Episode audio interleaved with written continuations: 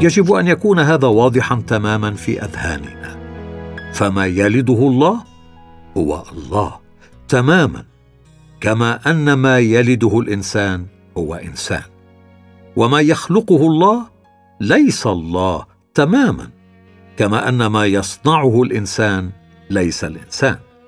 ولهذا فإن البشر ليسوا أولاد الله بالمعنى نفسه الذي به المسيح ابن الله.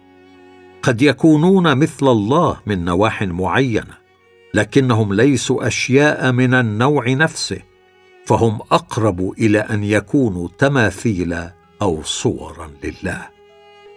للتمثال شكل الإنسان لكنه ليس حيا. وبالطريقة نفسها فإن للإنسان بمعنى سأشرحه فيما بعد شبها بالله لكنه لا يملك الحياة نفسها التي يملكها الله. لنأخذ الآن النقطة الأولى. شبه الإنسان بالله اولا. إن لكل شيء خلقه الله شبها به. فالفضاء يشبهه في ضخامته واتساعه. ولا نقصد بذلك أن عظمة الله هي عظمة الفضاء نفسها. ولكنها نوع من الرمز لها أو ترجمة لها بتعابير غير روحية. والمادة تشبه الله في امتلاكها للطاقة على الرغم من أن الطاقة المادية بطبيعة الحال تختلف اختلافا كاملا عن قوة الله والعالم النباتي يشبه الله لأنه حي والله هو الإله الحي. لكن الحياة بهذا المعنى البيولوجي ليست الحياة نفسها الموجودة في الله إنها مجرد رمز أو ظل لها. وعندما نأتي إلى الحيوانات نجد انواعا أخرى من الشبه إضافة إلى الحياة البيولوجية. كما أننا نجد في النشاط المكثف والتكاثر في الحشرات مثلا شبها ضعيفا جدا بنشاط الله وإبداعه الدائمين. كما نجد في الثدييات العليا بدايات المحبة الغريزية وهي ليست المحبة نفسها الموجودة في الله. لكنها تشبهها بالطريقة نفسها التي يمكن لصورة مرسومة على ورقة مسطحة أن تشبه منظرا طبيعيا. وعندما نأتي إلى أسمى الثدييات الإنسان فإننا نكون أمام أكمل شبه نعرفه بالله. وقد تكون هنالك عوالم أخرى أو كائنات أخرى أكثر شبها بالله من الإنسان لكننا لا نعرف عنها. فالإنسان لا يحب فحسب ولكنه يفكر أيضا والحياة البيولوجية تصل فيه إلى أعلى مستوى معروف.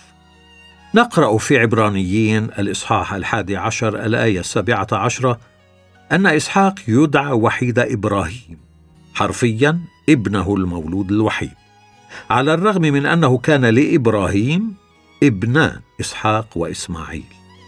وهكذا نجد أن كاتب الرسالة إلى العبرانيين يستخدم تعبير مولود ليعبر عن معنى أنه فريد ومبارك بشكل خاص أو مفضل. وينطبق الأمر نفسه على يوحنا الإصحاح الثالث الآية السادسة عشرة. والفرق الوحيد هو أن لله ابنا واحدا بينما كان لإبراهيم ابنان. وتعبير المولود الوحيد مترجم عن كلمة مونوجينز المكونة من كلمتين. الكلمة الأولى هي مونو وتعني مفرد فقط وحيد وحده.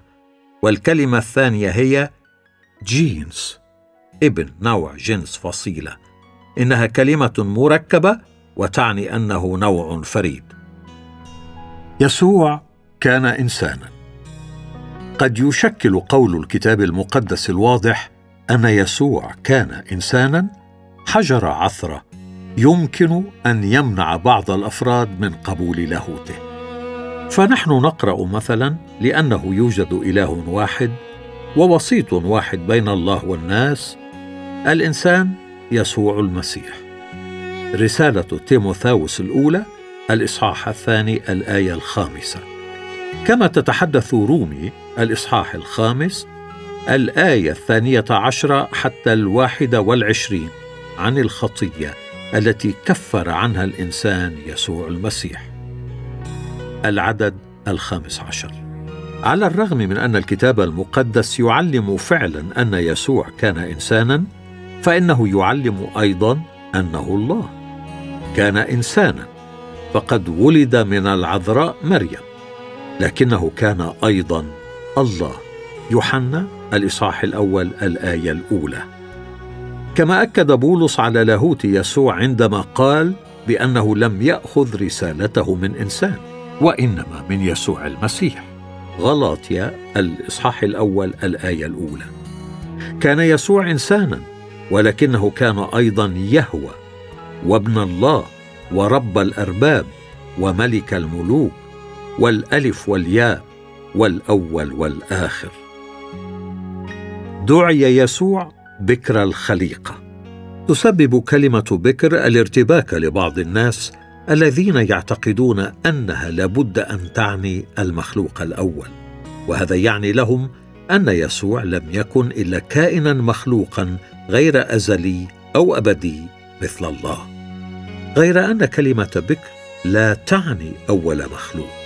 فعندما صرح بولس بأن المسيح هو بكر كل خليقة كولوسي الإصحاح الأول الآية الخامسة عشرة استخدم الكلمة اليونانية بروتوتوكوس التي تعني الوريث الأول رتبة.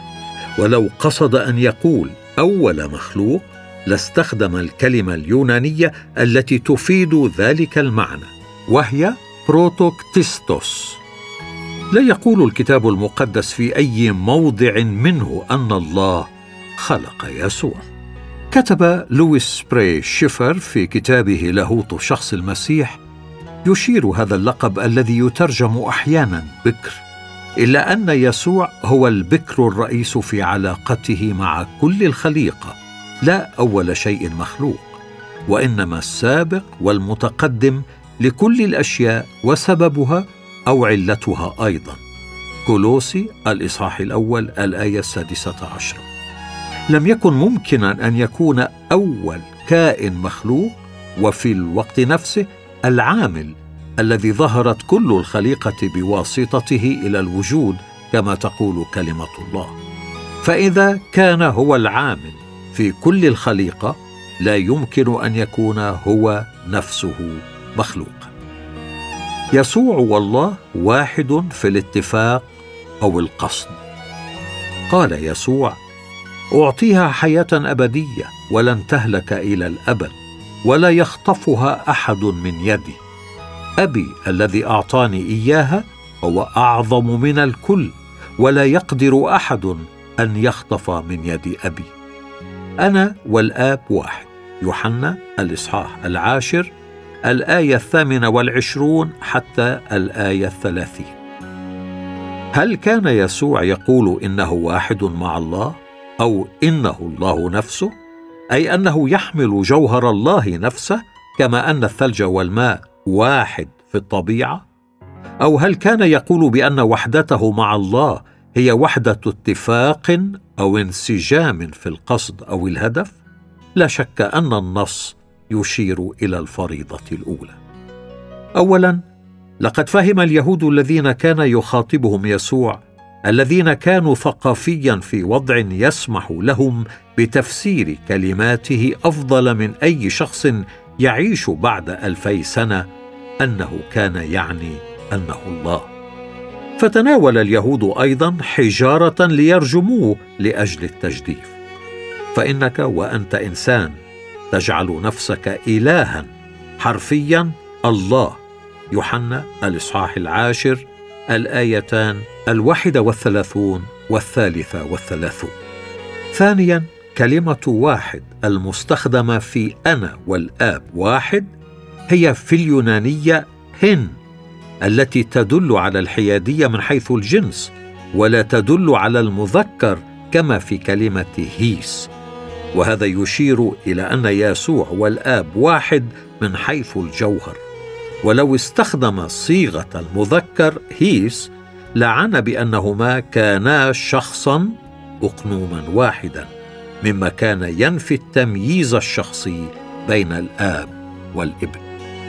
يعكس لنا ما تبقى من الإصحاح العاشر من إنجيل يوحنا رد فعل يسوع لتهمة التجديف بالنسبة ليهودي متمرس في الشريعة كانت كلمات يسوع تعني شيئا. أما بالنسبة لأي شخص غير مطلع على الفهم اليهودي للعهد القديم فقد تكون هذه الفقرة صعبة عسيرة الفهم خصوصا فيما يتعلق بقضية لاهوت المسيح. تقول كلمة الله أجابهم يسوع أليس مكتوبا في ناموسكم أنا قلت إنكم آلهة؟ إن قال آلهة لأولئك الذين صارت إليهم كلمة الله ولا يمكن أن ينقض المكتوب فالذي قدسه الآب وأرسله إلى العالم. أتقولون له إنك تجدف لأني قلت إني ابن الله؟ إن كنت لست أعمل أعمال أبي فلا تؤمنوا بي ولكن إن كنت أعمل فإن لم تؤمنوا بي فآمنوا بالأعمال لكي تعرفوا وتؤمنوا أن الآب في وأنا فيه فطلبوا أيضا أن يمسكوه فخرج من أيديهم. يوحنا الإصحاح العاشر الآية الرابعة والثلاثون حتى التاسعة والثلاثين. يرجع قدر كبير من الارتباك إلى استخدام يسوع كلمة آلهة. فهل كان يقصد ما دام أن هناك اشخاصا آخرين قد دعوا آلهة فما الذي يمنع أن أدعو نفسي ابن الله؟ وهو بهذا يدعو نفسه بشكل غير مباشر انسانا لا الها. نجد أنا قلت إنكم آلهة؟ في مزمور الثاني والثمانين الآية السادسة وكلمة آلهة المستخدمة في المزمور هي الكلمة العبرية الوهيم إيلو إله إيم للجمع آلهة. إن الإشارة إلى الله بكلمة إلوهيم في العهد القديم لا تعني بأن الكتاب المقدس يعلم وجود آلهة متعددة. فالكتاب المقدس يستخدم دائما الصيغة المفردة من الفعل مع كلمة إلوهيم عند الإشارة إلى الله. مثلا في البدء خلق مفرد الله جمع إلوهيم السماوات والأرض. تكوين الإصحاح الأول الآية الأولى. فالكتاب المقدس ثابت ومتوافق مع نفسه في تعليمه عقيدة الثالوث الأقدس. فنحن نجد في متى الإصحاح الثامن والعشرين الآية التاسعة عشرة باسم الآب والابن والروح القدس إن كلمة اسم وهي تدل على المفرد في اللغة اليونانية مستخدمة للتعبير عن الآب والابن والروح القدس الذين يشكلون اسما واحدا. وتعبير آلهة إلوهيم المستخدم في مزمور الثاني والثمانين الآية السادسة يشير إلى القضاة اليهود الذين يفترض فيهم أن يتصرفوا كالله مع الشعب بمعنى أن يكونوا عادلين ومنصفين وما إلى ذلك. ومن الواضح أنهم لم يكونوا آلهة بالمعنى الحرفي للكلمة. نجد التعبير نفسه مستخدما في خروج الإصحاح الواحد والعشرين الآية الأولى حتى السادسة. فالكلمة العبرية المستخدمة هنا هي الوهيم المترجمة إلى الله في اللغة العربية مترجمة إلى قضاة في اللغة الإنجليزية. هذا هو سياق العهد القديم الذي كان يسوع يشير إليه. لماذا؟